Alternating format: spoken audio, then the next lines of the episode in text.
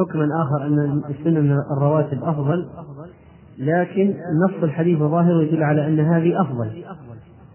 قيام الليل.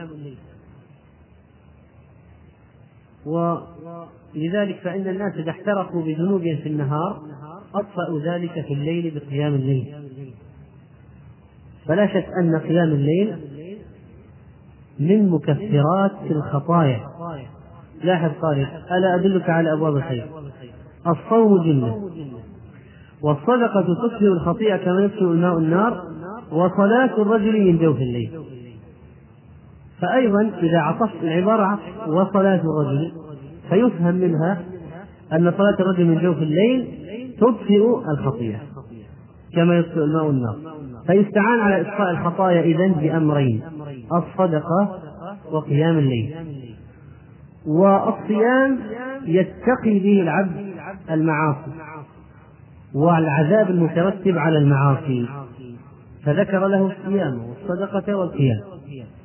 فلو أن الإنسان جمع بين الصيام والصدقة والقيام كان من أولياء الله. إذا أكثر منها يكون من أولياء الله. طيب.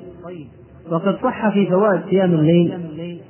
عن النبي صلى الله عليه وسلم أنه قال عليكم بقيام الليل فإنه دأب الصالحين قبلكم وإن قيام الليل قربة إلى الله عز وجل ومنهاة عن الإثم لأنه كيف يقوم الليل يعصي النار؟ سينهى عن الإثم كما جاء في حديث الرجل. سينهاه علّه يقوم الليل ينهى عن الإثم. وتكفير للسيئات. وجاءت زيادة ومطر الجاي عن الجسد لكن هذه الزيادة ضعيفة. ذكر الشيخ في ضعيف الجامع وذكر القسم الأول من الحديث في صحيح الجامع. و هذا بالنسبة لأثر قيام الليل على العبد. يكفر السيئات وينهى عن الإثم وقرب إلى الله عز وجل. ولا شك أن إخفاء الصلاة لاحظ أن إخفاء الصلاة وإخفاء الصدقة إخفاء الصلاة في الليل. يعني صلاة الليل من أسباب فضلها أنها خفية لا يطلع عليها أحد لأنها في في الليل. والصدقة إذا أخفيت أيضا صارت من, من, مما يعظم تعظم به إخفاؤها. ثم تلا قول النبي عليه الصلاة والسلام قول الله عز وجل تتجافى جنوبهم عن المضاجع يدعون ربهم خوفا وطمعا ومما رزقناهم ينفقون. فلا تعلم نفس ما أخفي لهم من قرة أعين جزاء بما كانوا يعملون. ماذا تلا النبي عليه الصلاة والسلام؟ هذه الآية بأي مناسبة؟ هاتين الآيتين. بمناسبة ذكره لموضوع قيام الليل ليبين فضل صلاة الليل. جاء حديث عند الترمذي أن هذه الآية نزلت في انتظار صلاة العشاء تتجافى جنوبهم فمن يستخرج لنا صحة هذا الحديث؟ عند الترمذي حديث أن تتجافى جنوبهم عن المضاجع نزلت في من ينتظر صلاة العشاء. فمن يستخرج لنا هذا الحديث؟ صحة الحديث.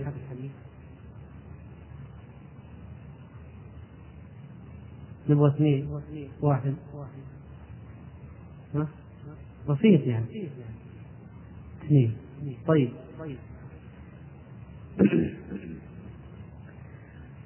الآن الذي يتجافى جنبه عن مضجعه عن مضجعه يدعون ربا خوفا وطمعا يشمل أشياء كثيرة. الذي يقوم بعد المغرب يصلي حتى العشاء يغالب نفسه حتى العشاء داخل فيه. والذي يقوم من الليل للدعاء داخل فيه. يدعون ربهم خوفا وطمعا. والذي يصلي يقول الذي يصلي بين العشاءين داخل. الذي يصلي بين العشاءين داخل. والذي لا ينام بعد المغرب لانتظار العشاء داخل. والذي يمكث في المسجد بعد المغرب إلى العشاء ولو ما صلى جالس. ها؟ انوها الآن. يعني لتكن هذه نية. الذي ينويها بعد المغرب يجلس في المسجد إلى العشاء ينتظر. داخل في الآية تتجافى جنوبهم عن المضاجع يدعون ربهم خوفا وطمعا مما رزقناهم ينفقون. فلا تعلم نفس ما أخفي لهم من قرة أعين. قال ذكر الرجل رحمه الله أنها تدخل. إذا جلس في المسجد ينتظر الصلاة فهو في صلاة. صح ولا لا؟ من جلس ينتظر المسجد في صلاة فهو في صلاة. فإذا كان في صلاة أو في عبادة كطلب علم أو أو في دعاء أو قراءة قرآن فإذا كان إذا رحمك الله صلى بين العشاءين داخل من انتظر صلاة العشاء ما نام حتى يصليها داخل. وكذلك من قام للدعاء داخل. من نام ثم قام بالليل التهجد فلا شك أنه داخل وهو أفضل الأنواع. أفضل أنواع التطوع يعني بالصلاه مطلقا القيام لصلاة الليل. وكذلك ربما يدخل فيه من ترك النوم عند طلوع الفجر وقام إلى أداء صلاة الصبح مع أن النوم غالب عليه قوي عليه داخل. ولذلك يقول المؤذن الصلاة خير من النوم. قوله صلى الله عليه وسلم وصلاة الرجل في جوف الليل لاحظ أنه الحديث الآن يقول إيش؟ وصلاة الرجل من جوف الليل ثم تلا تجافى جنوبه الكلام هذه الحالات التي ذكرناها هي في الآية تتجافى جنوبهم. المجافاة يعني ابتعاد الجنب عن الفراش صح ولا لا؟ هذا يحصل بأشياء كثيرة ذكرنا بعض الأمثلة. لكن الصلاة في جوف الليل هذه خاصة الصلاة في جوف الليل. صلاة رجل من جوف الليل لا شك أن هذا من أفضل العبادات وهو وقت النزول الإلهي وهو أيضا من أوقات إجابة الدعاء أوقات إجابة الدعاء طيب جوف الليل هذا متى يكون؟ متى يكون جوف الليل؟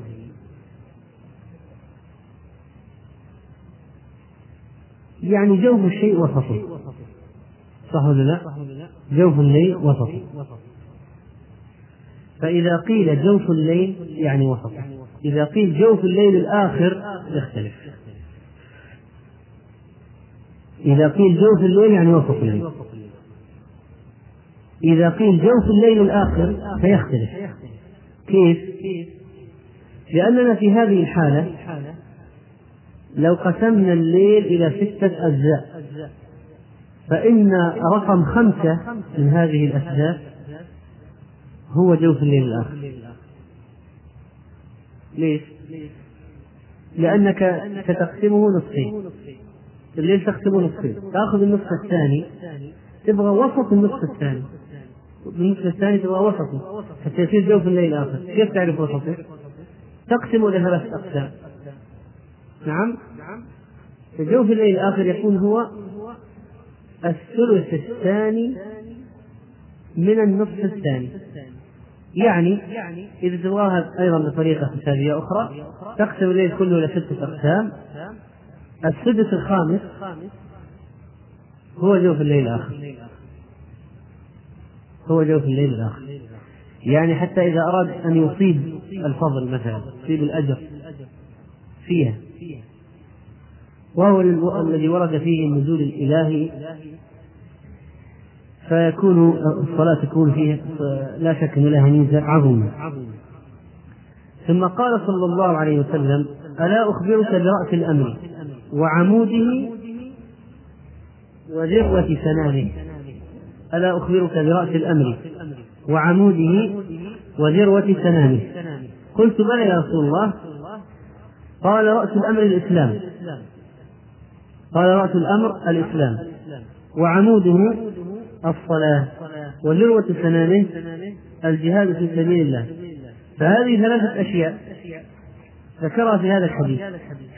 رأس الأمر وعموده وذروة سنامه فما هو الأمر؟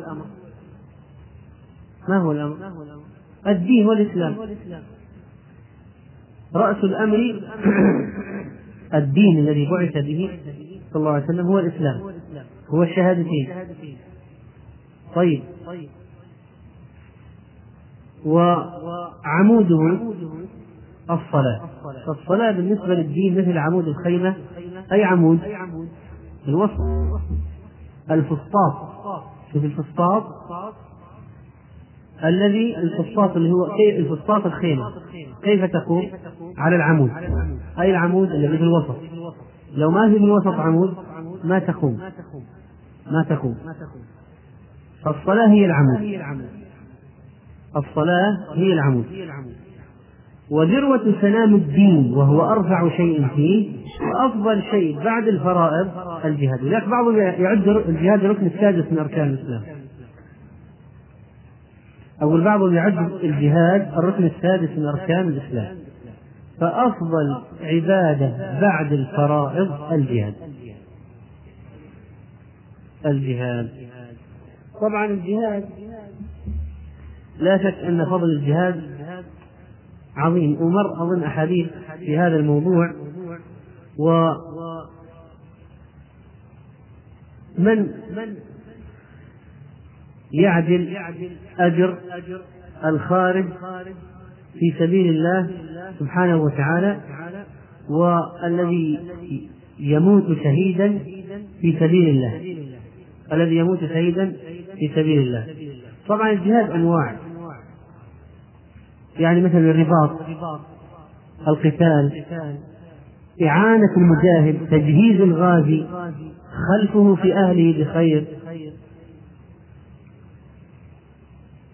فالجهاد يدخل فيه أشياء كثيرة ولذلك إذا مثلا رجعت كتاب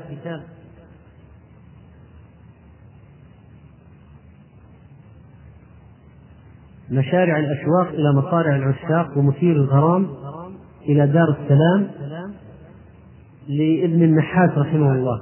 الكتاب هذا كتاب عظيم جدا لأنه يبين فضل الأشياء فضل أقسام الجهاد وأجزاء الجهاد وأول ووسط وآخر والشهادة والتجهيز الغازي وخلفه في أهله والرباط والرمي الرمي في سبيل الله.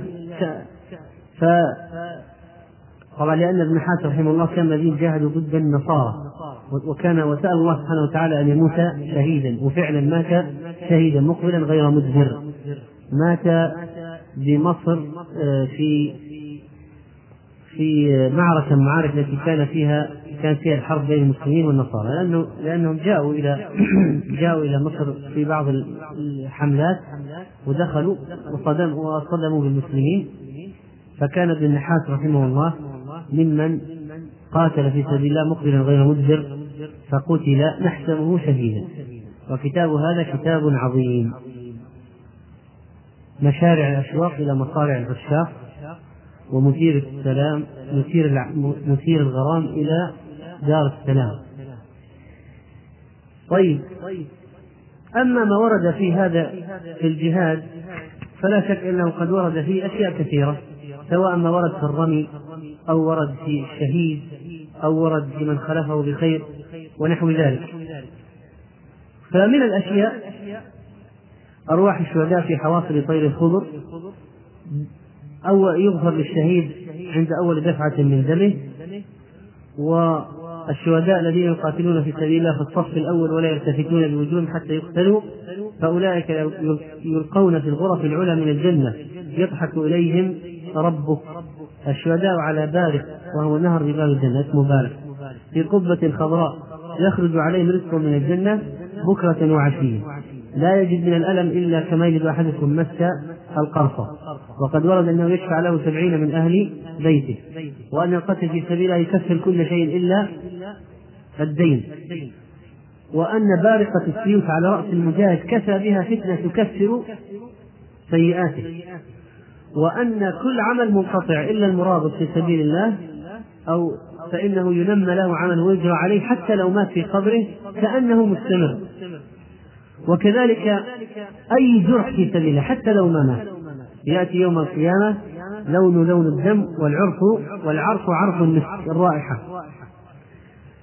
وكذلك فإن إنه لا أحد يحب أن يرجع إلى الدنيا إلا الشهيد مما يجد من أجر القتل في سبيل الله. وكذلك فإن فإن من طلب الشهادة بإخلاص ومات على فراشه يعطاها. هذا ما يدل على فضل الشهادة إذا وكذلك أن الرباط في سبيل الله يكون من أسباب الأمن من فتنة القبر. وكذلك فإن هذا الجهاد أو هذا هذا الباب من أبواب الخير له صور متعددة كما قلنا ومنها أن يقوم إلى إمام جائر فيأمره وينهاه فيقتله. فهذا من أعظم أعظم الشهداء عند الله. حمزة ورجل قام إلى إمام جائر فأمره ونهاه فقتله. على أي حال حديث فضائل الجهاد كثيرة وهذا مرجع يعني يبين هذا بتفصيل. ثم إنه عليه الصلاة والسلام قال له ألا أخبرك بملاك ذلك كله؟ ألا أخبرك بملاك ذلك كله؟ أصل الخير كله وين؟ أين هو؟ أصل الخير في اللسان. فمن كف لسانه وحبسه وضبطه فقد ملك أمره وأحكمه وضبطه. فاللسان هو التحكم. وقد سبق حديث من كان يؤمن بالله الآخر فليقل خيرا أو ليصمت وشرح وقوله في هذا الحديث وهل ثكلتك أو ثكلتك أمك؟ هذا ليس طبعا دعاء عليه بالموت. وتبين تقدم أن هذا الدعاء من النبي عليه الصلاة والسلام. لشخص لا يستحقه هو رحمة ومغفرة وأجر لهذا الشخص. كما دعا النبي عليه الصلاة والسلام ربه. وهذا أيضا أسلوب من أساليب العرب التي فيها تنبيه الشخص. هل يكب الناس على مناخرهم في النار إلا حصائد ألسنتهم؟ إلا حصائد ألسنتهم؟ ما هي حصائد الألسنة؟ جزاء الكلام المحرم وعقوبات الكلام المحرم هي الحصائد التي تكب الناس في النار على مناخرهم ها؟ ما جنى بلسانه على نفسه. يعني مثل ما الإنسان يزرع حب ويطلع ثمر يحصده فقد يزرع بلسانه شرا ويحصده يوم القيامة أصائد الألسنة توقع في النار. وظاهر حديث معاذ أن أكثر أسباب دخول النار من اللسان يعني لو صنفنا طيب هاتوا نصنف. هاتوا أنواع الآثام التي تسبب فيها اللسان أبواب الشر التي تسبب فيها اللسان أولا الشرك. وهذا كثير حتى يقول الشرك الخفي ولو تفتح و كان يقول يحلف بغير الله. أو يقول في كلام في توكل على غير الله ونحو ذلك أو ما شاء الله وشئت لولا الله وفلان لولا كذا. طيب هذا الشرك. ثانيا الغيبة. ثالثا الكذب. ورابعا شهادة الزور. وخامسا كثرة الحلف الحلف الكاذب. يعني لو يحلف بالله لكن كاذب. وسادسا النميمة. سابعا القذف. وثامنا السحر إذا كان يعني يستخدم فيه اللسان ما كان عمل غير اللسان. طيب تاسعا. الأمر بالمنكر. طيب تعليم الشرع. السب والشتم السب والشتم. ذكرنا القول على الله بغير علم أحسن. هذا من أبواب الشر العظيمة تأتي باللسان هذه ذكرنا والغير ها؟ الفحش البذاء ذكرنا. أكل لحوم العلماء من الغيبة. ها؟ الاستهزاء. القذف ذكرنا القذف. ها؟ اللغو. اللغو. الغناء. استهزاء يعني هو من الاستهزاء. أو من الاستهزاء إيه؟ إخراج اللسان من الاستهزاء. طيب. دي صحيح ليش فإذا لاحظ أن هذه فعلا أكثر ما يدخل الناس النار هو اللسان أكثر ما يدخل الناس النار هو اللسان.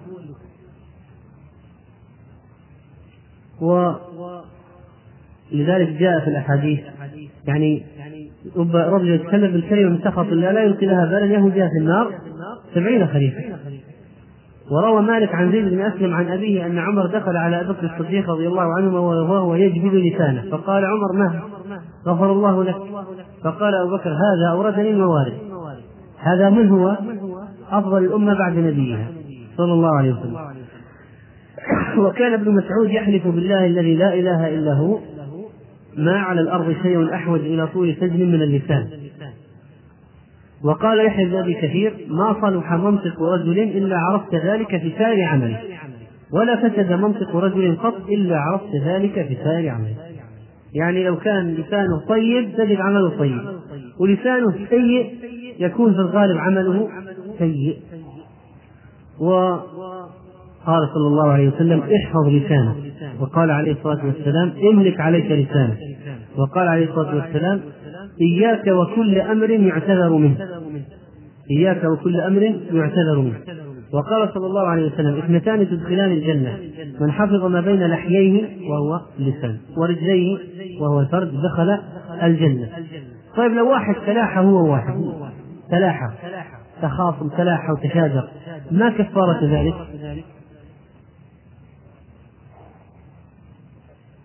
لا. ها. عفوا من القرائن. ركعتان كفارة كل لحاء ركعتان كما جاء في الحديث الصحيح. وقد جاء في الحديث أيضا زنا اللسان الكلام. زنا اللسان الكلام يعني فيما حرم الله. ومدح عليه الصلاة والسلام طوبى لمن ملك لسانه. قولوا غيرا قولوا خيرا تغنوا من حفظ ما بين فخميه دخل الجنة. من صمت نجا. وهكذا. وليس شيء من الجسد إلا وهو يشكو الذرى ذرب اللسان هذا حديث صحيح. ليس شيء من الجسد إلا وهو يشكو ذرب اللسان وما هو ذرب اللسان؟ يعني فحشة. يعني لو علم العبد ماذا يقول جسده؟ وكيف يشتكي منه إذا صار متفحشا؟ فاحشا؟ لعلم. كيف يكون أثر هذا الشيء عليه؟ طيب نختم بسؤالين. طيب هذه الأسئلة ليس لها علاقة ممكن نجيب عنها فيما بعد. في أسئلة سابقة لعلنا نكون إن شاء الله نجيب عنها المرة الماضية المرة القادمة. والله تعالى أعلم صلى الله وسلم على نبينا محمد. الحمد لله رب العالمين صلى الله وسلم وبارك على نبينا محمد وعلى آله وصحبه أجمعين. وبعد. الحديث الثلاثون. حقوق الله. عن أبي ثعلبة الخشني جرثوم بن ناشر رضي الله عنه عن رسول الله صلى الله عليه وسلم قال إن الله تعالى فرض فرائض فلا تضيعوها وحد حدودا فلا تعتدوها وحرم أشياء فلا تنتهكوها وسكت عن أشياء رحمة لكم غير نسيان فلا تبحثوا عنها حديث حسن رواه الدار قطني وغيره. هذا الحديث قال الإمام النووي رحمه الله حديث حسن رواه الدار قطني وغيره. وقد روى هذا الحديث جماعة من العلماء منهم الطبراني رحمه الله والخطيب البغدادي والبيهقي وأبو نعيم في الحلية وصححه الحاكم أيضا. وكذلك فقد رواه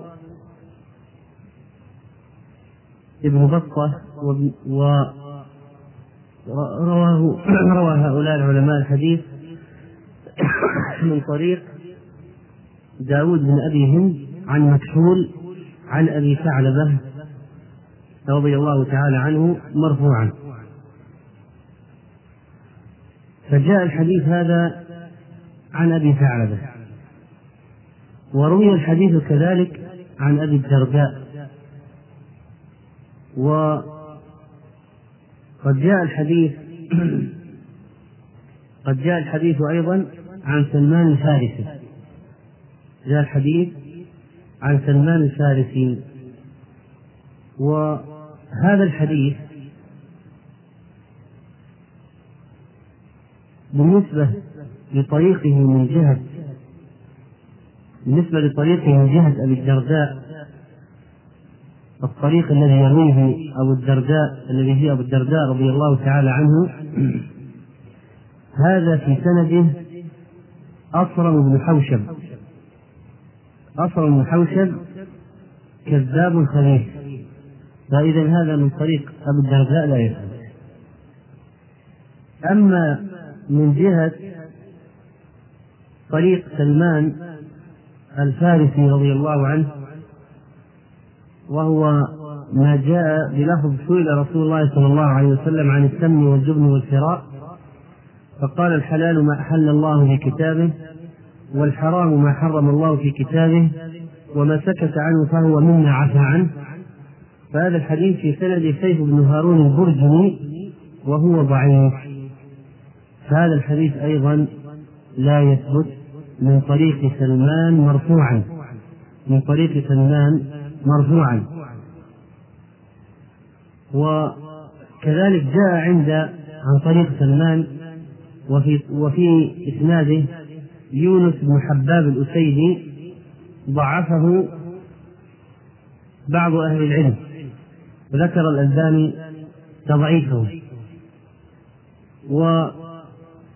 وكذلك من جهة الحديث المروي من طريق أبي ثعلب الخشني وهو حديث الباب هذا الذي أتى به الترمذي رحمه الله تعالى.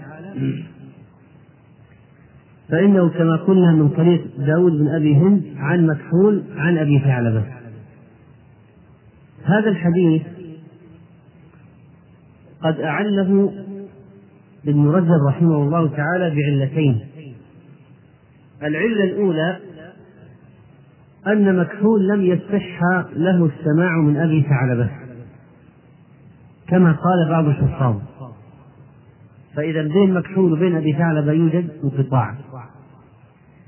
والعلة الثانية التي ذكرها ابن رجب رحمه الله أنه قد اختلف فيه في رفعه ووقفه. بعضهم رواه من طريق أبي ثعلبة مرفوعا بعضهم رواه من طريق أبي ثعلبة موقوفا على أبي ثعلبة من كلام أبي ثعلبة. وقال الدار قطني الأشبه بالصواب المرفوع وهو أشهر. والنووي رحمه الله حسن الحديث وربما يكون في تحسينه تساهل لأن هذه الأسانيد التي ذكرناها فيها هؤلاء واحد فيه انقطاع يعني فيه أو بعضه فيها ضعفاء وبعضها فيه كذاب متهم بالكذب. وذكر هذا الحديث الشيخ ناصر الدين الألباني في إرواء الغليل وقال إنه ضعيف. وذكر بعض من خرجه وذكر لاحظ هذا الحديث هذه فائدة. داود بن أبي هند عن مكحول عن أبي ثعلب الخشني هذا الحديث رجاله رجال مسلم. يعني مسلم روى أخرج لأبي داود بن هند أو داود أبي هند وأخرج لمكحول. لكن مكحول عن أبي ثعلب الخشني فيه انقطاع. ولذلك لعل من أسباب ما وقع الحاكم رحمه الله تعالى فيه من الأخطاء. في مستدركه أن يقول الحديث على شرط مسلم. ويكون الرجال فعلا قد روى له مسلم رحمه الله تعالى في صحيحه. لكن ليس بهذا السند. يعني صحيح مكحول من رجال مسلم وداود من رجال مسلم. لكن داود عن مكحول عن ثعلبة هذا السند لا ينطبق عليه شرط مسلم رحمه الله. صحيح الرجال رجال مسلم لكن النص الحديث هذا السند لا ينطبق عليه شرط مسلم. فأحيانا يقول حاكم هذا الحديث على شرط الصحيحين هذا على شرط البخاري هذا على شرط مسلم. ويكون فعلا الرجال قد أخرج لهم البخاري ومسلم لكن ليس بهذه الطريقة.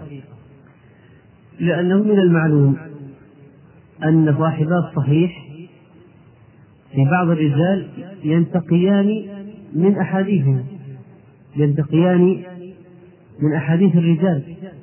لا يروون لكل شخص كل أحاديثه فقد تكون بعض أحاديث هذا الشخص معلولة أو معنة قد يكون خلط في آخر عمره فأخرج صاحب الصحيح له قبل الاختلاط. فيكون الحاكم قد أورد الحديث في مستدركه عن هذا الرجل بعد الاختلاط ويكون على شرط مسلم على شرط البخاري فلعل من أسباب ما وقع فيه الحاكم رحمه الله من جزمه بأن هذا على شرط البخاري وهذا على شرط مسلم وانتقاد لصاحبي الصحيح لصاحبي الصحيح في هذا هذا سببه هذا سببه أنه ربما يكتفي بأن يرى في السند أن هؤلاء الرجال الذين في السند قد أخرج له مسلم رحمه الله تعالى في صحيحه مع أن القضية ليست فقط هكذا أن مسلم أخرج هؤلاء الرجال وإنما قد يكون هناك انقطاع في السند قد يكون هناك علة اختلاط شيء مثل هشيم.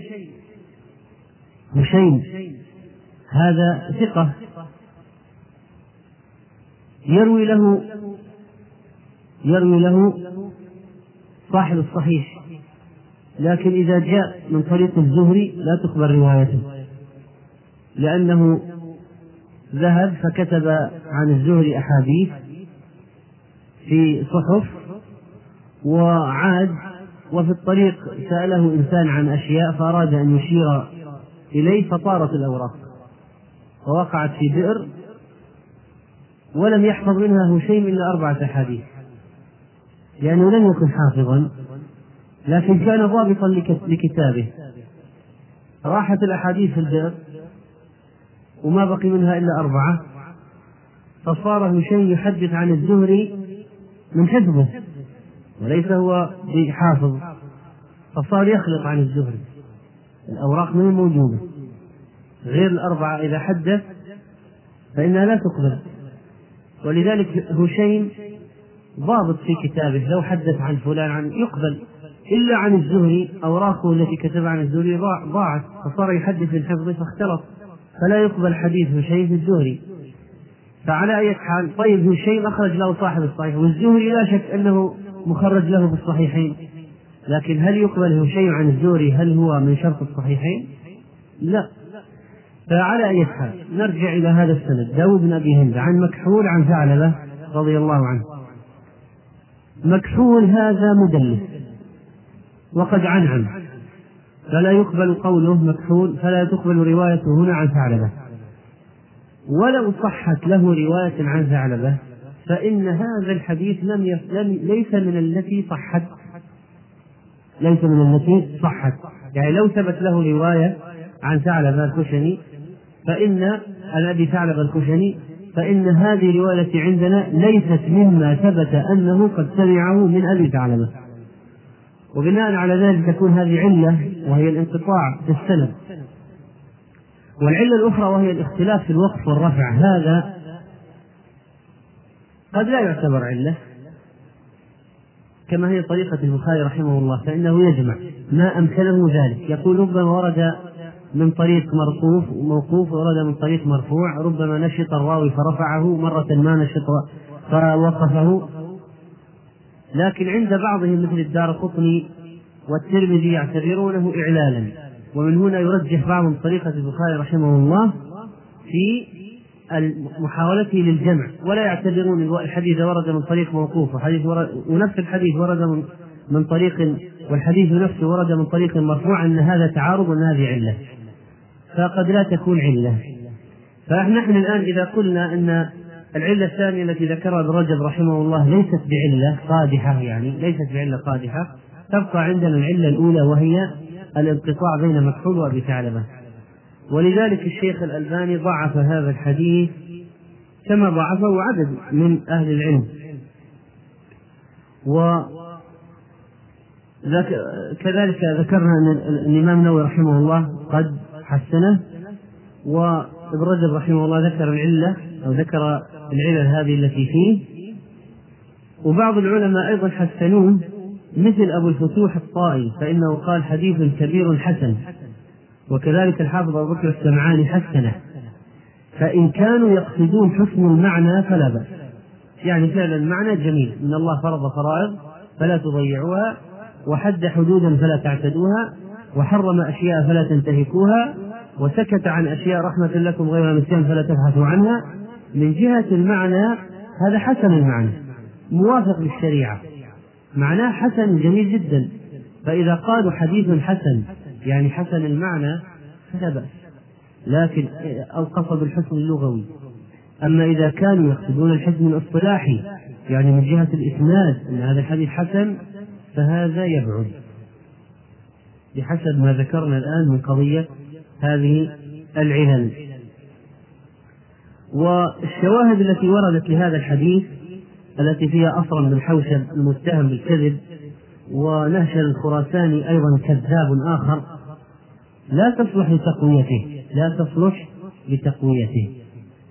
يمكن يعني يكون طريق سلمان الموقوف قد يثبت أو يكون حسن لكن لا يصلح لكي نرفع هذا الحديث إلى درجة الاحتجاج به.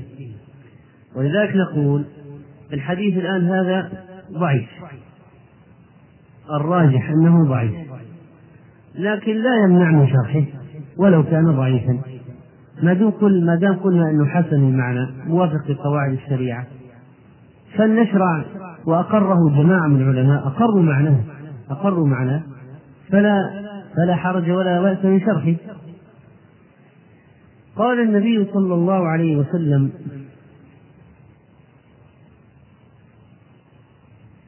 قال النبي صلى الله عليه وسلم في هذا الحديث إن الله فرض فرائض فلا تضيعوها. طبعا قلنا الحديث هذا بعض استحسنه بعض العلماء وأثنوا عليه حتى قال بعضهم قال أبو بكر السمعاني هذا الحديث أصل كبير من أصول الدين. وحكي عن بعضهم أنه قال ليس في أحاديث رسول الله صلى الله عليه وسلم حديث واحد أجمع بانفراده لأصول العلم وفروعه من حديث أبي ثعلبة. وحكي عن أبي وافل المزني أنه قال جمع رسول الله صلى الله عليه وسلم الدين في أربع كلمات ثم ذكر حديث أبي ثعلبة. فالآن نقول هذا حديث سنده ضعيف لكن ضعيف لكن معناه حسن وجميل موافق للشريعة وجامع. عبارات جامعة موافقة للشريعة. وهذا الحديث قسم قسمت فيه الأحكام إلى أربعة أقسام. فرائض واحد ومحارم اثنين وحدود ثلاثة ومسكوت عنه رابع الأقسام. وإذا تأملت في الدين تجد أنه ما بين فرائض ومحرمات وحدود وأشياء مسكوت عنها. فهو من ناحية المعنى والتقسيم تقسيم جميل. الموجود في الحديث هذا تقسيم جميل. فرائض محرمات وحدود ومسكوت عنه. فهو فعلا من جهة ما من جهة ما هو من جهة المعنى معناه جيد.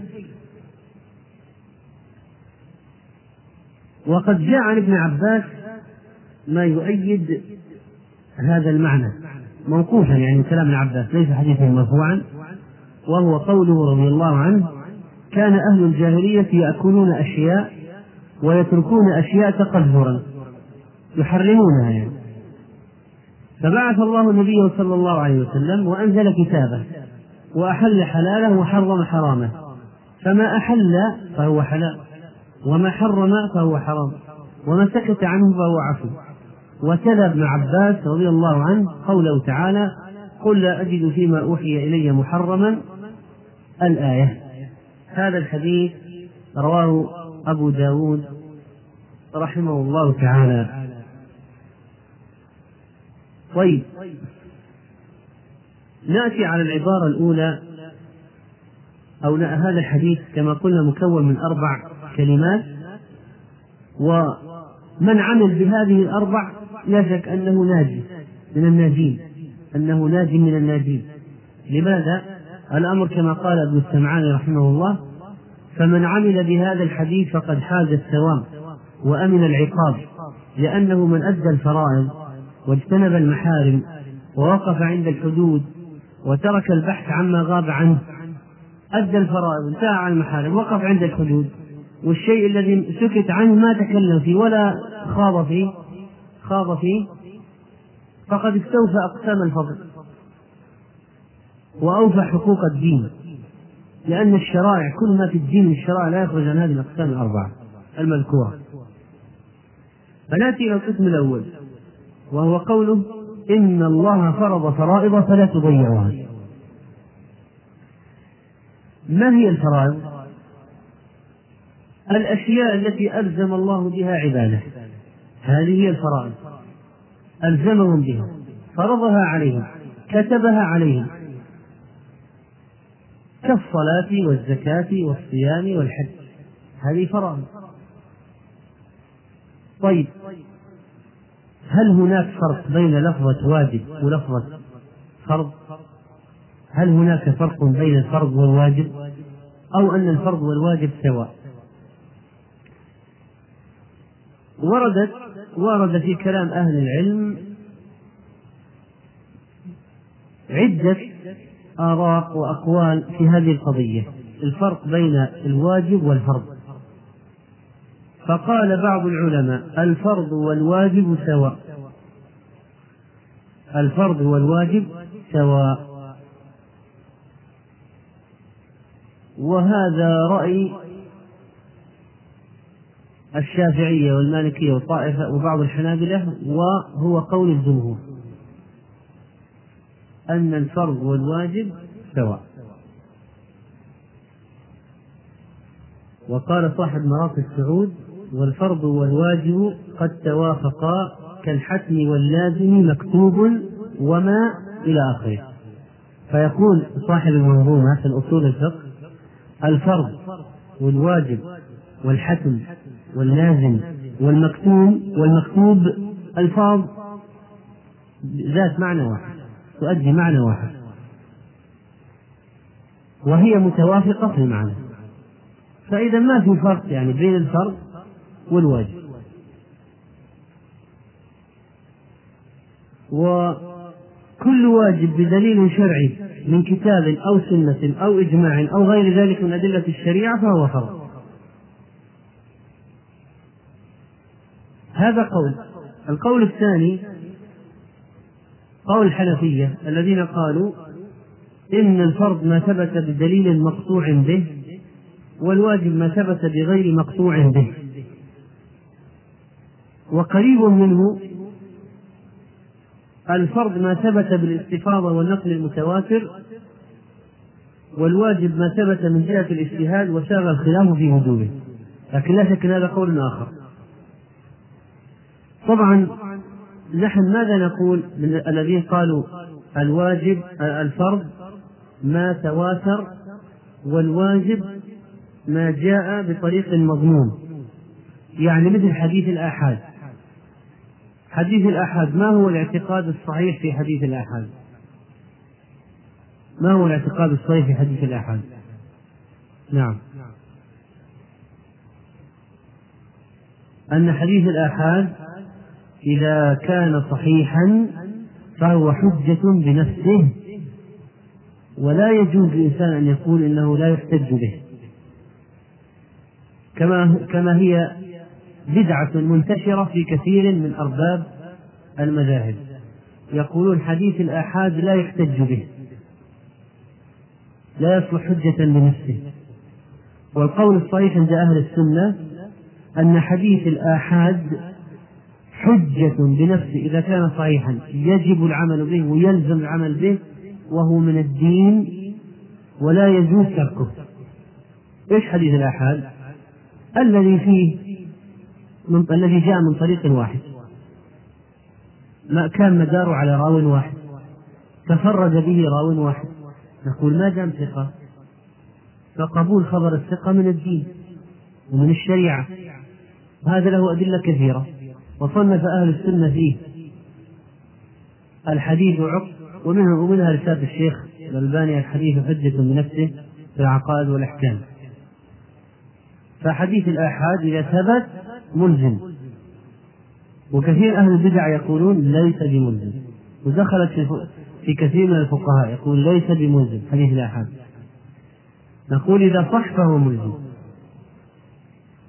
طيب. فإذا قلنا الفرق بين الفرض والواجب منهم من يقول إنه لا فرق ومنهم من يقول إنه إذا كان من طريق متواتر فهو فرض. إذا كان من طريق ظني فهو واجب. يعني الفرض عندهم أقوى. الحنفية. ومنهم من يقول إذا ثبت بالإستفاضة والتواتر فهو فرض. وما ثبت من جهة الاجتهاد وساغ الخلاف في وجوبه هذا الواجب. ومنهم من قال من الإمام أحمد رحمه الله نقل عنه التفريق بين الفرض والواجب. فنقل جماعة من أصحابه عنه أنه قال لا يسمى فرضا إلا ما كان في كتاب الله تعالى وقال في صدقة الفطر ما أجترئ أن أقول إنها فرض مع أنه يقول بوجوبها. فإذا ما هو هذا القول الرابع؟ الفرض ما ثبت في الكتاب والواجب ما ثبت في السنة. الواجب ما ثبت في السنة. طيب من يعد لنا هذه الأقوال؟ الفرق بين الفرض والواجب. في الاستفاضة والتواتر. والواجب ما ثبت بطريق الاجتهاد الذي يسوغ فيه الخلاف. طيب. الراجح والله أعلم أنه لا فرق بين الفرض والواجب. وهو قول الجمهور بدليل أنك تجد في السنة أحيانا أوجب الله كذا وفرض الله كذا. صح ولا لا؟ طيب. وكذلك ألفاظ الكتاب ألفاظ الكتاب فرض كتب عليكم أو كتب عليكم فيما افترض الله له و الألفاظ متعددة. فالفرض واللازم والحتم والواجب هذه كلها سواء. لكن يمكن أن نقول بتقسيم مهم في مسألة الفرض وهي الفرض العيني والفرض الكفائي. وهذا التقسيم فهمه مهم لأنه يساعد على فهم عبارات العلماء. إيش الفرض العيني؟ ما يلزم كل شخص بعينه أن يقوم به. الفرض الكفائي. لو قام به بعض الناس سقط الإثم عن الباقين. عن الباقين. ولذلك لما تلاحظ كلام العلماء في الأمر معروف والنهي عن المنكر. منهم من يقول هو فرض ومنهم من يقول ليس بفرض.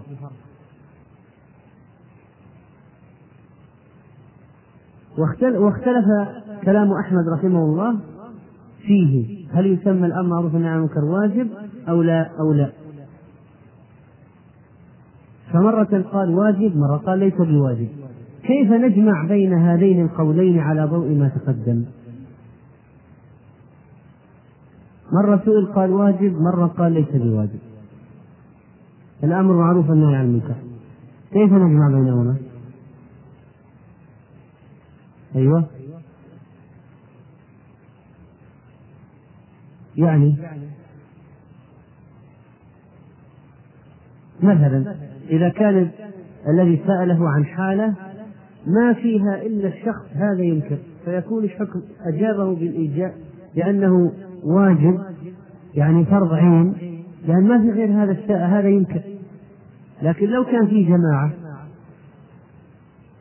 فنفى الوجوب يعني عن كل واحد ولم ينفي الوجوب عن الجميع.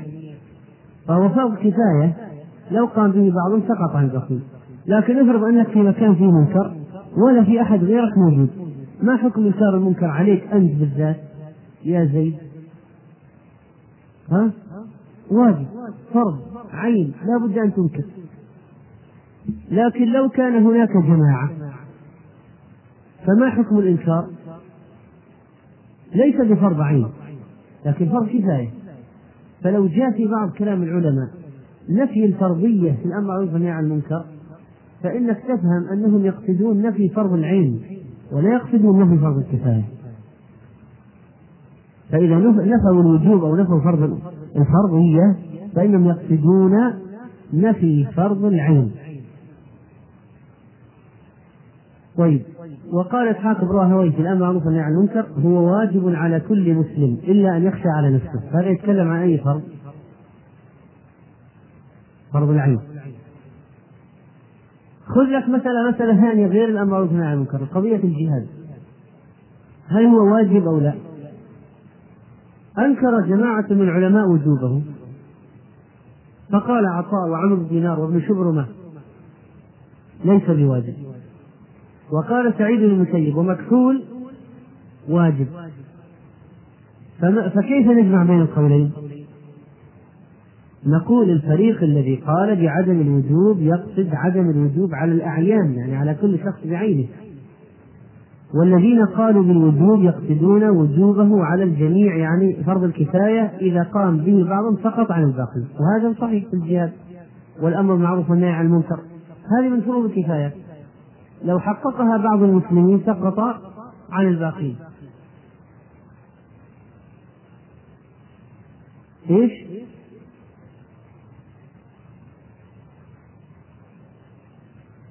إذا لم يكن ينكر إلا هو يجب عليه. ما يمكن ينكر إلا هو ليس موجود إلا هو. لا يستطيع إنكار إلا هو يجب عليه. نفس الجواب. زاد نقص نفس الجواب. يمكن يكون في زمن كل العلماء لكن ما رآه إلا هو. لو راح يبلغ فات فات. إيش يسوي؟ يقول كل العلماء ما يصلح. ينكر هو يجب عليه. نعم.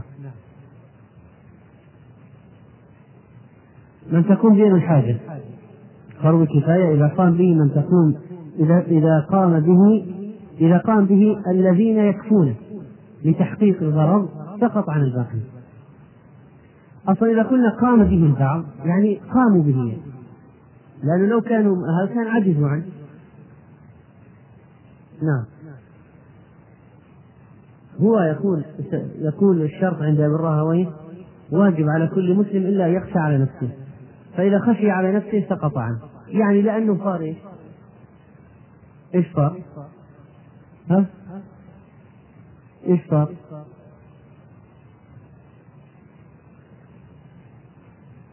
أيوه. أيوه هذا هو.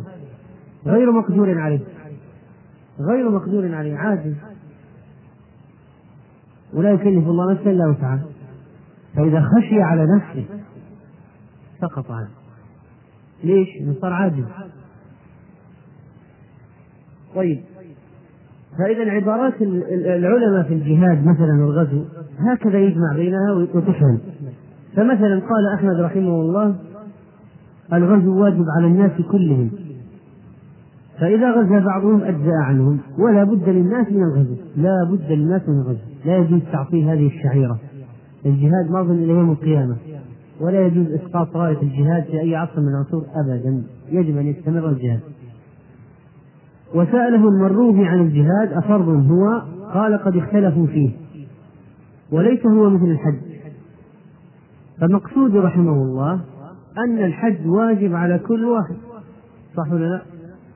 مع الاستطاعة طبعا بخلاف الجهاد فإنه إذا قام به بعضهم قياما حسنا يسقط عن الآخرين ولو كانوا قادرين على الجهاد واضح؟ إذا قام به بعض الناس قياما صحيحا سقط عن الباقين ولو كانوا قادرون الباقون هؤلاء لكن الحج لا يسقط عن عنهم إذا كانوا مستطيعين. ولو قام به بعض الناس ما يسقط عن البعض الآخر. يبقى على كل قادر عن الحج أن يحج. فرض لا بد منه. فإذا لو رأيت بعض العلماء يسأل عن الجهاد أو عن مثلا الأمر والنهي عن المنكر في كلام العلماء كلام مكتوب. فأجابوا بأنه ليس بواجب. فإنهم ما أوجبوه تورعا. لا يريدون إطلاق لفظ الواجب على ما لم يأت به لفظ واجب. يعني يكون في الشريعة ما ورد لفظ واجب. فلما سئل ما قال واجب؟ تورعا لأنه شيء لم يرد نص عليه في الشريعة الوجوب مع أنه يفهم الوجوب لكن ما ورد واجب. أي شيء من ألفاظ الإيجاب ما ورد. فتحرج العالم أن يطلق لفظة واجب. لا لأن هذا ليس بواجب. لا لكن تحرج في استخدام كلمة فيها حكم فكأنه يحكم و لا يريد أنه يكون في هذه المكانة التي يقطع فيها ويقول واجب والشريعة ما قالت واجب. وإن كان في الشريعة من جهة المعنى وجوبه لكن هو فقط لفظا ما يريد استخدام اللفظ. تحرج دقة ما يريد استخدام لفظ واجب. مثله نفس الشيء قضية التحريم. أحيانا يسأل العالم عن شيء فلا يقول حرام لا يقول حرام. مثلا لأن الشريعة ما قالت عن شيء حرام لكن هو محرم لا شك في تحريمه. يعني من جهة المعنى محرم لكن الشريعة ما استخدمت لفظ حرام فالعالم ما استخدم لفظ حرام.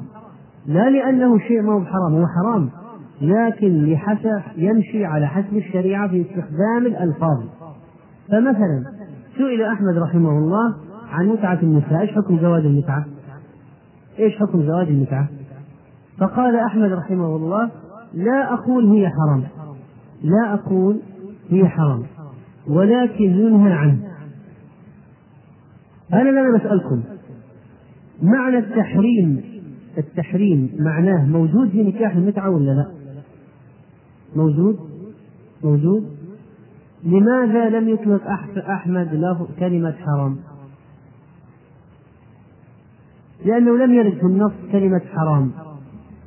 لكن هل ينهى عنه ويعاقب من فعله ويؤثم من فعله؟ ها؟ نعم. لا شك في ذلك. لا شك في ذلك. نهي عن المتعة نهي عنها. ثابت النهي عن نكاح المتعة ثابت النهي. لذلك لكن أحمد دقيق رحمه الله قال لا أقول هو حرام لكن ينهى عنه.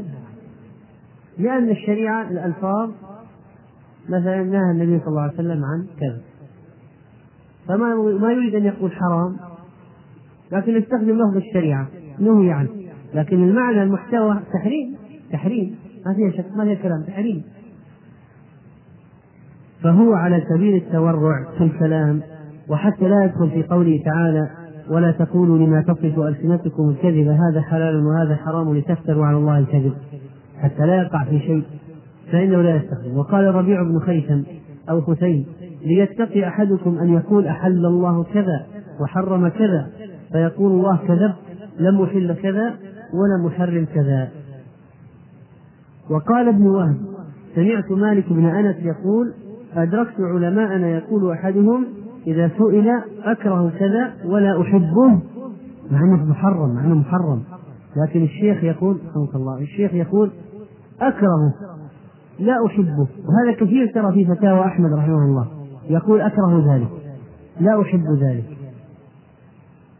نعم وهو حرام. لكن ورعا من أحمد ما استخدم لفظة حرام. وهذا موجود في السلف كلام السلف.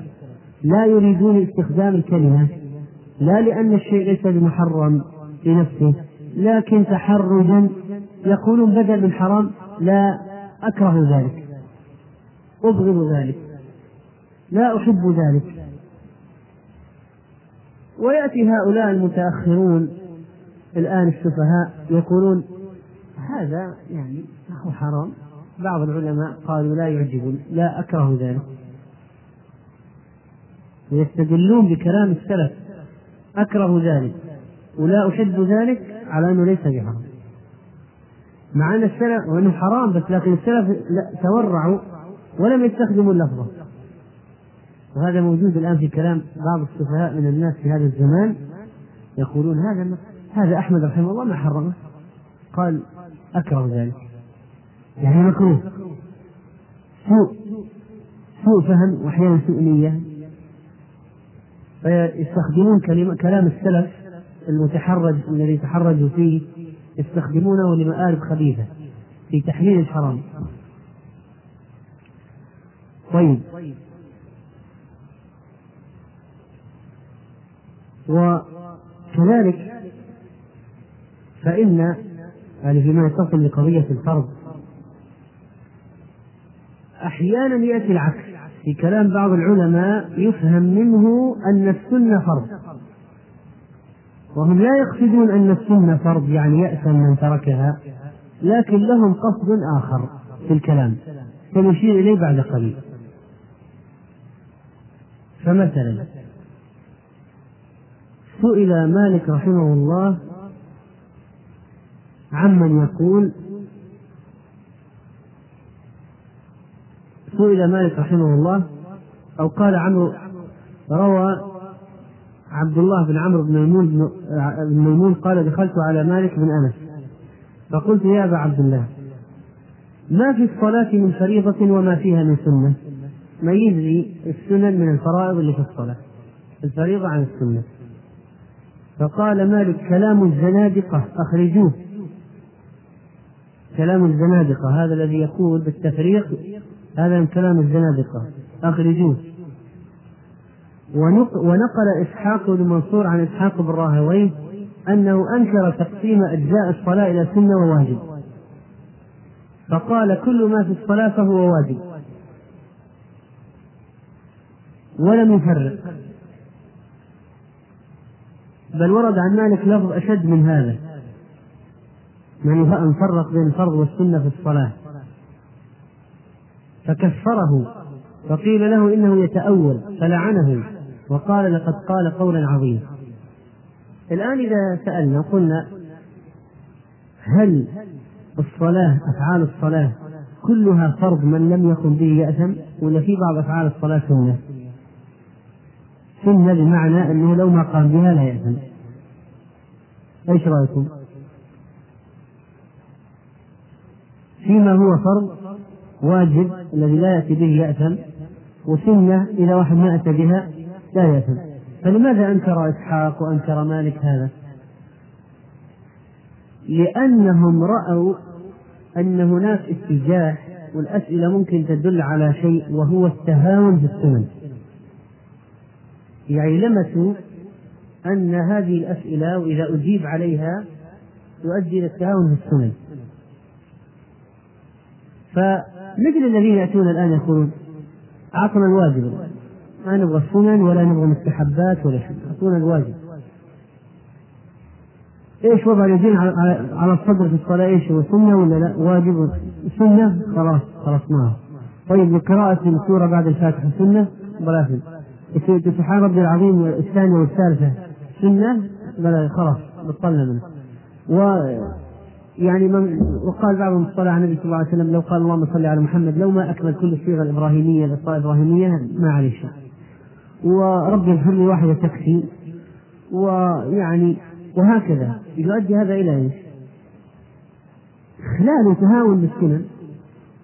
فإذا جاءك سؤال أو يعني ناس يسألون أسئلة تؤدي الإجابة عنها. إذا جئت تعطيهم الجواب يعني الدقيق حسب المصطلح وأصول الفقه. تعطيهم الجواب الدقيق هذه سنة هذه فرض هذه واجب هذه كذا يؤدي إلى التهاون بالسنن. ويجيك واحد يعني يصلي يكبر يرخي يديه. بعض السنة لماذا يفعل؟ سنة. تلزمني سنة. ولا يرفع يديه ولا يضع يديه على صدره ولا يعني يقول سنة. فإذا صارت كلام العلماء هؤلاء يحمل على من يتها من يسأل أسئلة أو يعني يؤدي الكلام الإجابة تؤدي إلى التهاون بالسنة لذلك قال ما في فرق خلاص. صلوا كما رأيتموني أصلي وطبعا بعضهم يرى يعني بعض الأشياء التي سنة يقول هذا حديث حديث المسيء صلاته كله واجبات ولا هذه السنن صلوا كما رأيتم أصلي كله واجب. وهذا يعني من أدلة من يقول بوجوب جلسة الاستراحة. بعضهم يقول بوجوب ولا لا. يعني صح قليل لكن ما هي أدلتهم من هذا؟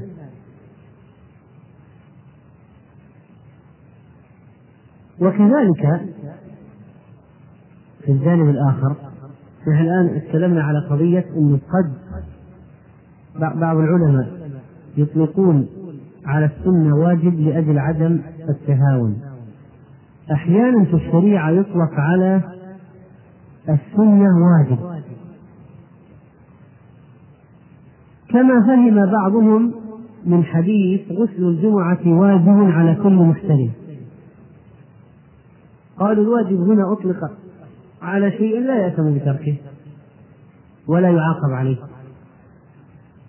وكذلك ليلة الضيف جاء النص بوجوبها بعض العلماء قالوا هذا الوجوب على شيء لا يأثم بتركه. وإنما المقصود باستخدام لفظة واجب هنا في هذا النص وفي غيره المبالغة والحث. المبالغة والحث. فهذه إذا بعض أمثلة استخدام لفظة واجب وغير واجب وغيرها في النصوص الشرعية. القسم الثاني أو العبارة الثانية في الحديث قال وحد حدودا فلا تعتدوها وحرم أشياء فلا تنتهكوها. ما دام ذكرنا الواجبات نأخذ المقابل وهي المحرمات المحرمات المحرمات هي التي حمى الله تعالى حماها الله. ما أحد يقترب. ومنع قربا من, من, من, من الاقتراب منها وارتكابها وانتهاكها. هذه حرمات الله. المحرمات. والمحرمات في أشياء مقطوع بها. وردت في الكتاب والسنة. لا يمكن واحد يشك في حرمتها. حرام تحريما قاطعا. مثل قل تعالوا أتلوا ما حرم ربكم عليكم ألا تشركوا بالله شيئا. ألا تشركوا بالله شيئا.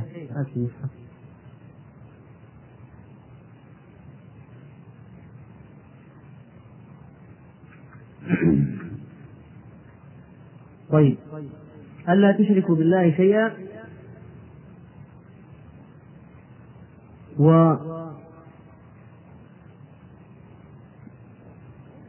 وبالوالدين إحسانا. ولا تقتلوا أولادكم من إملاق. ولا تقتلوا أولادكم من إملاق. طيب هذه الأشياء الواردة في هذه الآية ما حكمها؟ ها؟ حرام يعني نهي عنها أو حرمت. على على القطع ولا ممكن تكون مكروهة أو منزل للتنزيه؟ فماذا نقول؟ قطعي حرام قطعي. لا شك في ذلك إنه حرام قطعي. وكذلك الآيات المشابهة لهذا. مثل بقية بقية هذه الآيات. بقية الآيات اللي في سورة الأنعام. قل تعالوا أتلوا ما حرم ربكم عليكم ألا تشركوا به شيئا وبالوالدين إحسانا. ولا تقتلوا أولادكم من إملاق نحن نرزقكم وإياهم. ما حكم قتل الأولاد؟ حرام ما في شك. ولا تقربوا الفواحش ما ظهر منها وما بطن ولا تقتلوا النفس التي حرم الله إلا بالحق. ذلكم وصاكم به لعلكم تعقلون. ولا تقربوا مال اليتيم إلا بالتي هي أحسن حتى يبلغ أشده. وأوفوا الكيل والميزان بالقسط. ثم قال طيب هذه الآيات تدل على إيش؟ على تحريم هذه الأشياء تحريما مؤكدا. لا يتطرق الشك إلى النفس أبدا في تحريمه وقد ذكر في هذه الآيات تحريمها. قل إنما حرم ربي الفواحش ما ظهر منها وما بطن والإثم والبغي بغير الحق.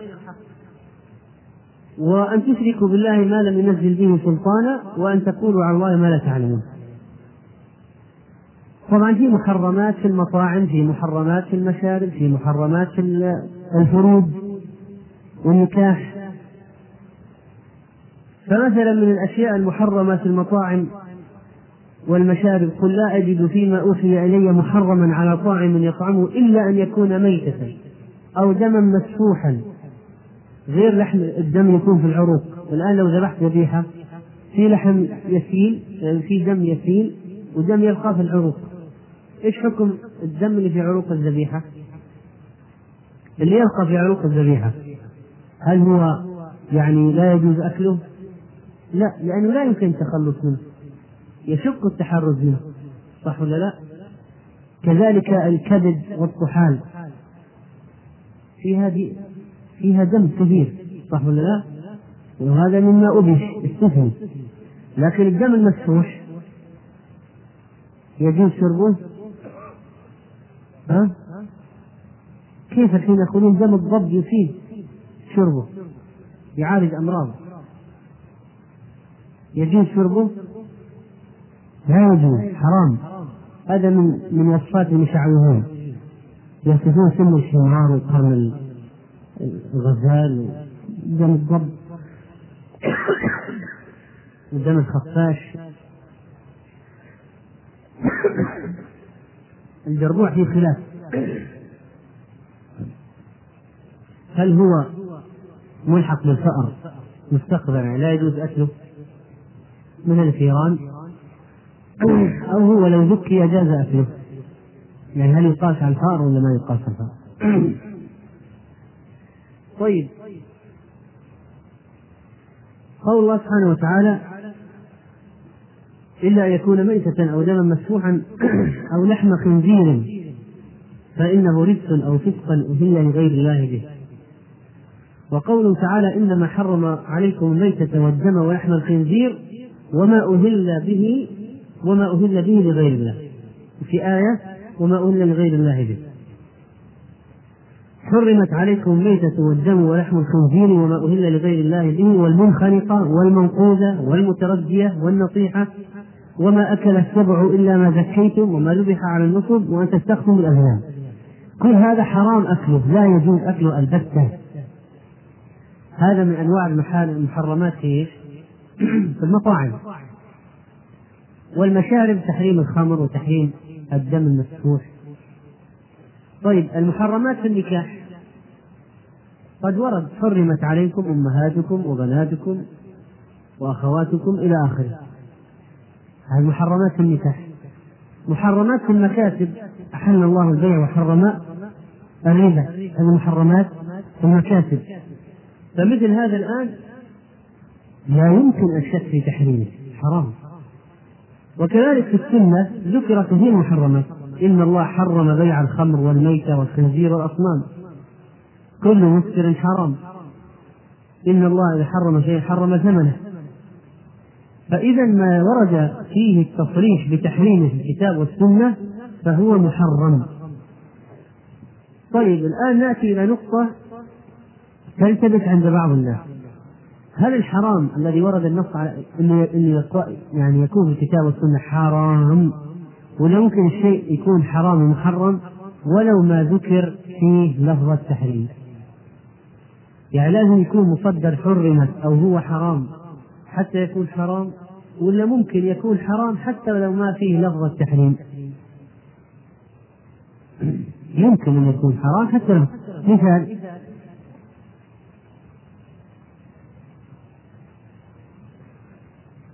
لا أنا أقصد ما أقصد الأمثلة يعني على أفراد الأشياء.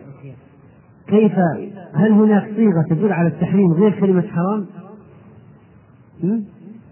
مثل لا تقربوه مثلا لا تقربوا الزنا هذه لفظة تحريم طيب كذلك فاجتنبوه هذه أقوى ألفاظ التحريم.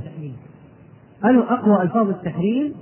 فاجتنبوه يعني تكون أنت في جانب وهو في الجانب الآخر. وهذا مما يقع للعامة الاشتباه فيه. يقول لك أعطيني شيء هو نص إنه حرام أبغى أشوف بعيني حرام علشان اتركه يقول ولا تقرأوا فاجتنبوه هذا ما هو لا يدل على إنه حرام. وبعضهم ينكر تحريم الخمر لهذا السبب. يقول ما في في الكتاب القرآن ما في إنه الخمر حرام ما في. هات آية فيها ان الخمر حرام. ما في. طبعا هذا جاهل مسكين هذا. مرسل أو سيء نية خبيث. يقول ماذا حرام؟ قال فاجتنبوه يعني يفهم إنه اجتنبوه يعني إنه يعني اجتنبوا يعني احسن لو ما شرب فهؤلاء طبعا اسمهم من جهلهم بألفاظ الكتاب معاني الألفاظ في الكتاب والسنة ثم يقال له في السنة كل مسكر حرام. يقول لك إيه الاحاديث هذه فيها أخطاء وفيها أشياء يعني ما ندري عنها هذه فيها أشياء دخلوا فيها الكفار دخلوا في الأحاديث. هذا كلام هذا يعني كلام ناس تجدهم أحيانا يعني من الطبقات المثقفه يعني دكاترة يعني تجار وناس متفتحين يقولون هذا الكلام. طبعا لا يستبعد أن يكون هذا مما أخذوه من قراءة المجلات والجرائد الاشياء المسمومة التي توضع في المقالات وتوضع بهذه الطريقة وهم يتلقفونها وتوافق هواهم طبعا. في شيء موافقة هوى وافقت هواه. يريد هو يعني آه، مدمن خمر ولا يمكن يترك ولذلك توافقت هواه فيستعمل هذا الرد كذلك من الأشياء التي تفيد التحريم النهي والوعيد الشديد. لو قال مثلا فهل في الآخر آية فهل أنتم منتهون؟ فهل أنتم منتهون؟ يعني يطلب منا الانتهاء عن هذه الأشياء؟ الخمر والميسر والأنصاب والأزلام. طبعا لا شك أيضا لعن من فعله وأن عليه غضب الله وأن الله لا ينظر إليه ولا يكلمه. هذه كلها تدل على التحريم. لكن لو كان هناك نهي مجرد ما في لا غضب ولا لعنة ولا تحريم لا نهي فقط لا تفعلوا كذا. هل النهي يدل على التحريم بحد ذاته؟ ولو ما في قرينة؟ أو لا يدل. هذا مما وقع فيه الخلاف. فبعضهم قال إنه لا يثبت إنه لا لا يثبت التحريم مجرد النهي بعضهم قال إنه يثبت التحريم. الاصل في النهي التحريم حتى تأتي قرينة تدل على أن النهي للكراهة. طيب. وذكرنا أنه كما أن بعض العلماء كان يتحرج أن يقول على الشيء الواجب واجب مع أنه واجب لأجل إن ما وردت كلمه كذلك فإن بعضهم كان يتورع أن يطلق على الشيء محرم حرام لأنه ما وردت الكلمة مع أنه في ذاته محرم. وهذا كثير في ألفاظ أحمد رحمه الله ومالك توقي إطلاق ألفاظ التحريم. و قال النخعي كانوا يكرهون أشياء لا يحرمونها. وقال ابن عون قال لي مكحول ما تقولون في الفاكهة تلقى بين قوم فينتهبونها. قلت إن ذلك عندنا لمكروه. قال حرام هي؟ قلت إن ذلك عندنا لمكروه. قال حرام هي؟ قال ابن عون فاستجفينا ذلك من قول مكحول. استجفيناه وقال جعفر بن محمد سمعت رجلا يسأل القاسم بن محمد الغناء أحرام هو؟ فسكت عنه القاسم. ثم عاد الغناء أحرام هو؟ فسكت عنه. ثم عاد فقال له إن الحرام ما حرم في القرآن. يعني كلمة حرام تطلق على الذي حرم في القرآن. أرأيت؟ أما أما جوابا على سؤالك عن الغناء أرأيت؟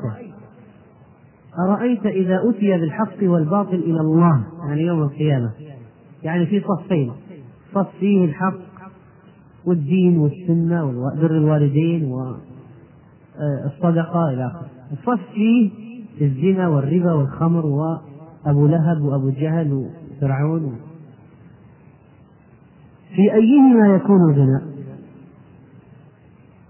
يعني في الصف اللي فيه يعني محمد صلى الله عليه وسلم وموسى وعيسى وبكر وعمر ومؤمن آل فرعون والصدقة وبر الوالدين وحق إكرام الضيف. يجي الغناء في هذا الصف ولا في الصف الآخر؟ في صف الحق ولا في صف الباطل؟ فقال الرجل في الباطل. قال القاسم فأنت فأفتي نفسك. ما يحتاج تسأل وهذه الطريقة ممكن تقنع فيها أي واحد يعني قل له لو واحد قال لك الدخان حرام ولا لا؟ قل إذا جاء الحق يوم القيامة في صف في محمد صلى الله عليه وسلم والأنبياء والصدقات والصلوات وقيام الليل وجاء الباطل في صف فيه الفجار والكفار والممثلين والراقصات وخلاع أهل الخلاعة والمجون والخمر يكون التدخين في رأيك يعني في هذا الصف هذا ولا في الصف هذا؟ وقد حدث أني مرة قلت لواحد هذا الكلام كان يناقش في قضية التدخين. فلما ذكرت له السؤال قال لا يأتي بصف الحق. يعني إيش؟ لما وجد المسألة ما في ملزم يعني ملزم هذا من ملزم. فما بقي إلا المكابرة والعناد نقاش وخلاص انتهى ما في نقاش. نفسه ملزم فما بقي إلا ما ما في مجال للنقاش ما في مجال إنه يعني يعني هم صفين يعني كذا ما في صف ثالث فما في الا ما بقي إلا المكابرة والعناد لا يجي في الصف الحق. فعند ذلك يسكت الإنسان لأنه انتهى بلغ يعني أقام الحجة وانتهى صارت قضيه واضحة. طيب. وأخيرا بالنسبة للحرام فإن المنهيات يعني قلنا الأصل فيها النهي التحريم نهى أن تنكح المرأة على عمتها وعلى خالتها نهى عن جلد السباع نهى عن كذا كلمة حرام. وإذا كان وإذا كان دلت القرائن على أنه ليس بمحرم فإن النهي يكون للتنزيه. مثلا أن يكون قد فعل مرة أو أنه أن يكون فعل مرة أو مثلا قال فيه لفظ يدل على التخيير لمن أراد أو شيء. أو يعني أنه هذا يعني أتقى ولكن يعني لو فعلت الآخر فلا بأس ونحو ذلك. فهذا يفهم منه أن النهي ليس ليس للتحريم. طيب. من يأتينا ببحث عن القرائن يعني من كتب أصول الفقه؟ القرائن التي إذا التي إذا جاءت في النص تفيد تفيد الكراهة. ولا ولا تفيد التحريم. لو قال واحد وش القرائن ما هي القرائن التي إذا جاءت مع النص اللي فيه نهي؟ نعرف أنه النهي هذا صار للتنزيه. أيوه واحد. طيب ثاني. ثانيا ثالثا. الكتب الأصول كثيرة يعني فيمكن يكون في مجال البحث. ثالثا نعم. ما هي القرائن التي إذا جاءت في النص اللي فيه النهي تكون يكون ينصرف النهي إلى إلى الكراهة والتنزيه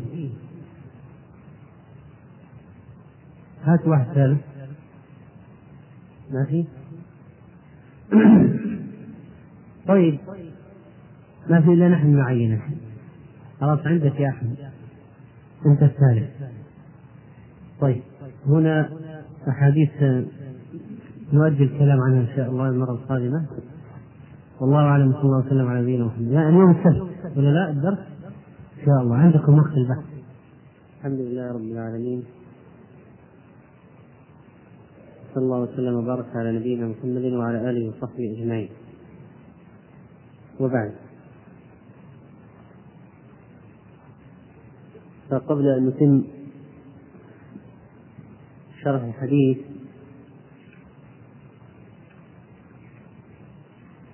الثلاثين من هذه الأربعين النووية على جميعها رحمة الله. هنا بعض الأبحاث التي أتى بها بعض الإخوان. و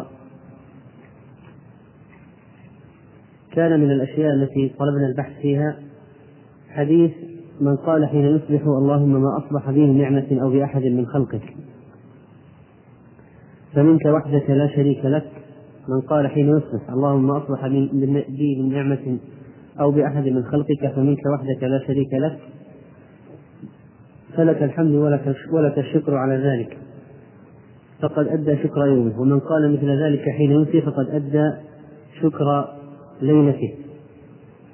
هذا الحديث قد أخرجه أبو داود رحمه الله تعالى فقال حدثنا أحمد بن صالح حدثنا يحيى بن حسان وإسماعيل قال حدثنا سليمان بن بلال عن ربيع بن أبي عبد الرحمن عن عبد الله بن عنبسة عن عبد الله بن غنام البياضي أن رسول الله صلى الله عليه وسلم قال وهذا الحديث حسب هذا البحث فيه عبد الله بن عنبسة. وعبد الله بن عنبسة قال أبو زرعة لا أعرفه إلا في حديث واحد.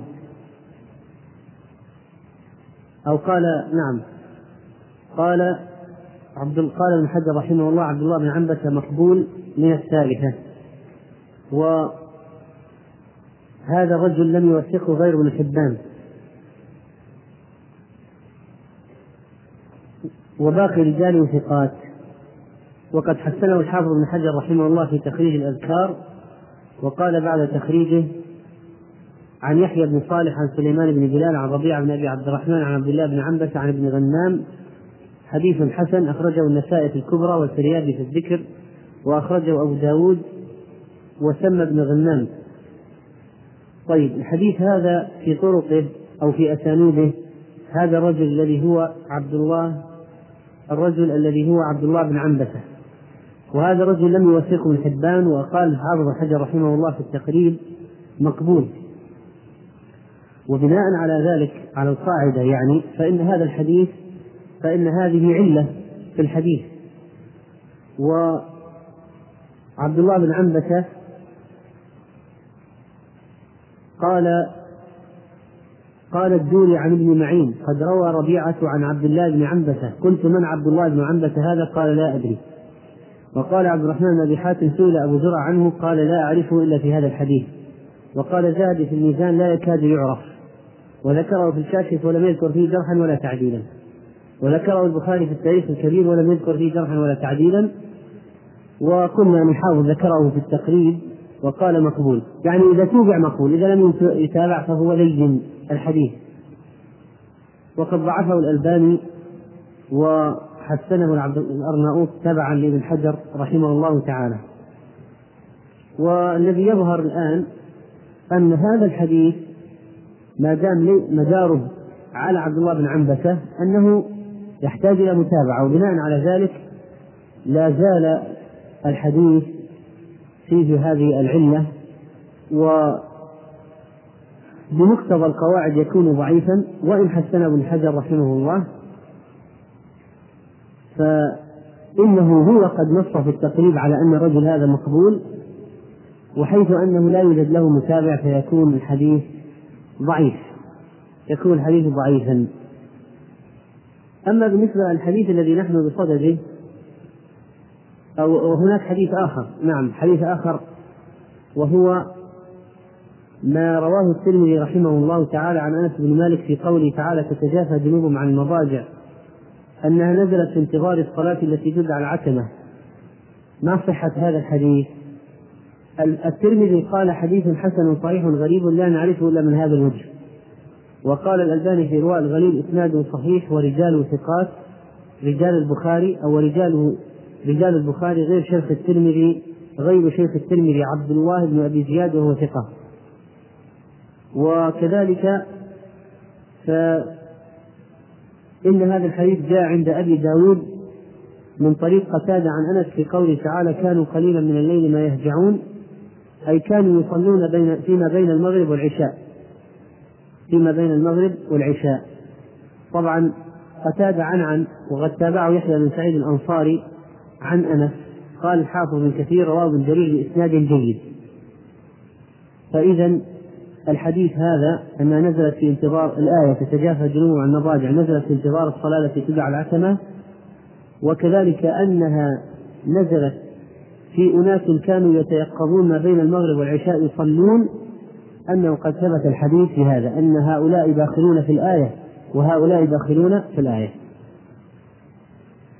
أما بالنسبة للحديث الذي نحن بصدده وهو حديث أبي ثعلب الخشني جرثوم بن ناشر رضي الله تعالى عنه إن عن النبي صلى الله عليه وسلم إن الله فرض فرائض فلا تضيعوها. الحديث ذكر بعض الإخوان أنه قد حسنه الشيخ الألباني في صحيح الترمذي وصحيح الجامع وصحيح ابن ماجه و الحديث فصل فيه الألباني في كتاب غاية المرام وتتبع طرقه وبين ضعفها وقال يغني عنه حديث أبي الدرداء موقوفا. حديث أبي الدرداء. حديث الدرداء موقوف ولا لا؟ ها؟ نعم. ما ذكر نفسه مرفوع؟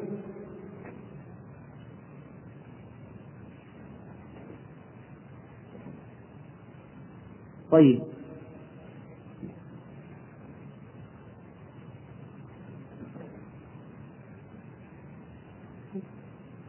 الحديث. لكن لكن الشيخ قال في الشيخ قال في غاية المرام في هذا الحديث قال قال الألباني ورجال إسناده ثقات لكن الراوي ولعله سفيان لم يجزم برفعه. لا سيما وقد جزم البخاري والترمذي أن رواية سفيان عن سليمان موقوفة يمكن عن سلمان. وأشار الترمذي إلى أن غير سفيان رواه كذلك. يعني ينقل عن سليمان عن التيمي رواية سفيان عن سليمان موقوفة وهي عن سفيان وأشار الترمذي إلى أن غير سفيان رواه كذلك. فالآن بقي عندنا التعارض بين الرفع والوقف هل يكون علة أو لا؟ يعني وإن كان هذا رجال إسناد ثقات لكن سفيان لم يجزم برفعه. وقد جزم البخاري والترمذي أن رواية سفيان عن سليمان موقوفة. فقد يكون هذا علة يعني تعارض الوصل تعارض الوقف والرفع.